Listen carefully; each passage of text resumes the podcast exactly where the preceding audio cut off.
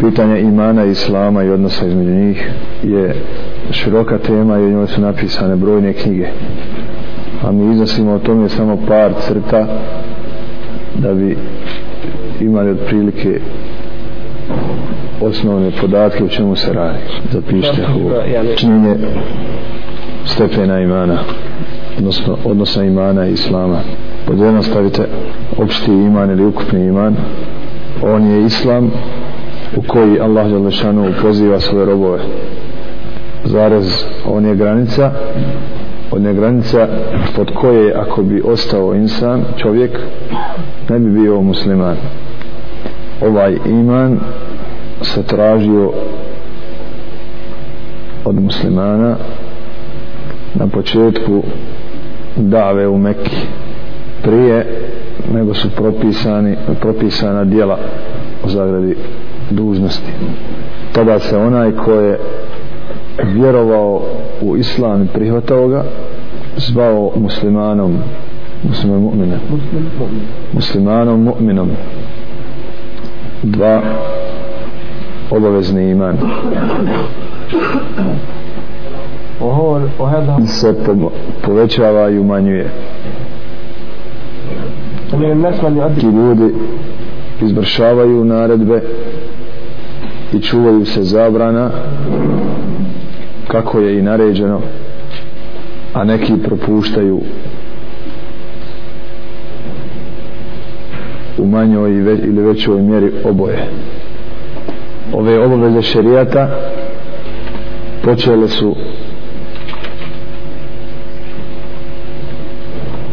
dolaziti jednu godinu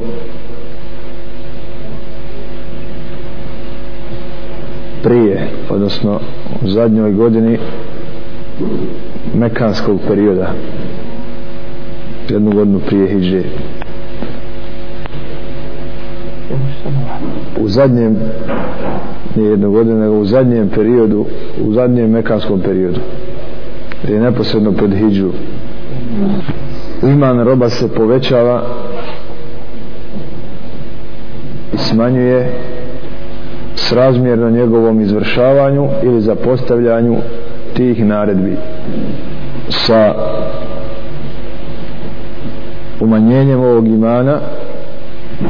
i njegovim slabljenjem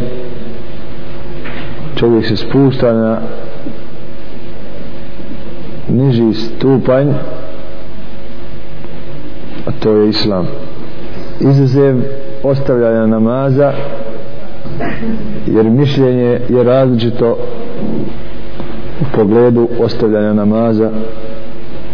pa dio učenjaka to smatra gubljenjem islama propadajem znači ispod ove ispod ove prve dereže dereže imana dereže islama tri potpuni iman je stepen bogobojaznih i onih koji su u svojoj vjeri dobročinitelji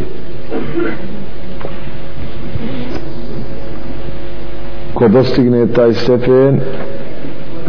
upotpunuje svoj iman postizanje ovog stepena je također vezano za djela čovjek revan jeste koliko je čovjek znači ustrajan u izvršavanju propisa u zagradi mustehaba poslije fardova na osnovu što smo spomenuli postalo nam je jasno značenje hadisa izvedite iz vatre ko bude imao trun imana zasigurno je da se to ne odnosi na opšti iman jer on ne trpi manjkavosti jer on ne trpi manjkavosti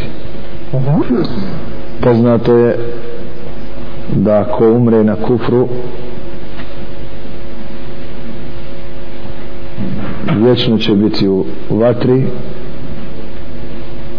i za njega ne važi šefat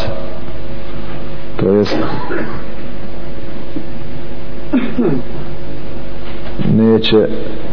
dopasti šefata shvatamo također da poslanikove riječi recite la ilaha illallah spasit ćete se bile su na početku dave i odnosile, i odnosile su se na islam u kome još nije bilo obaveza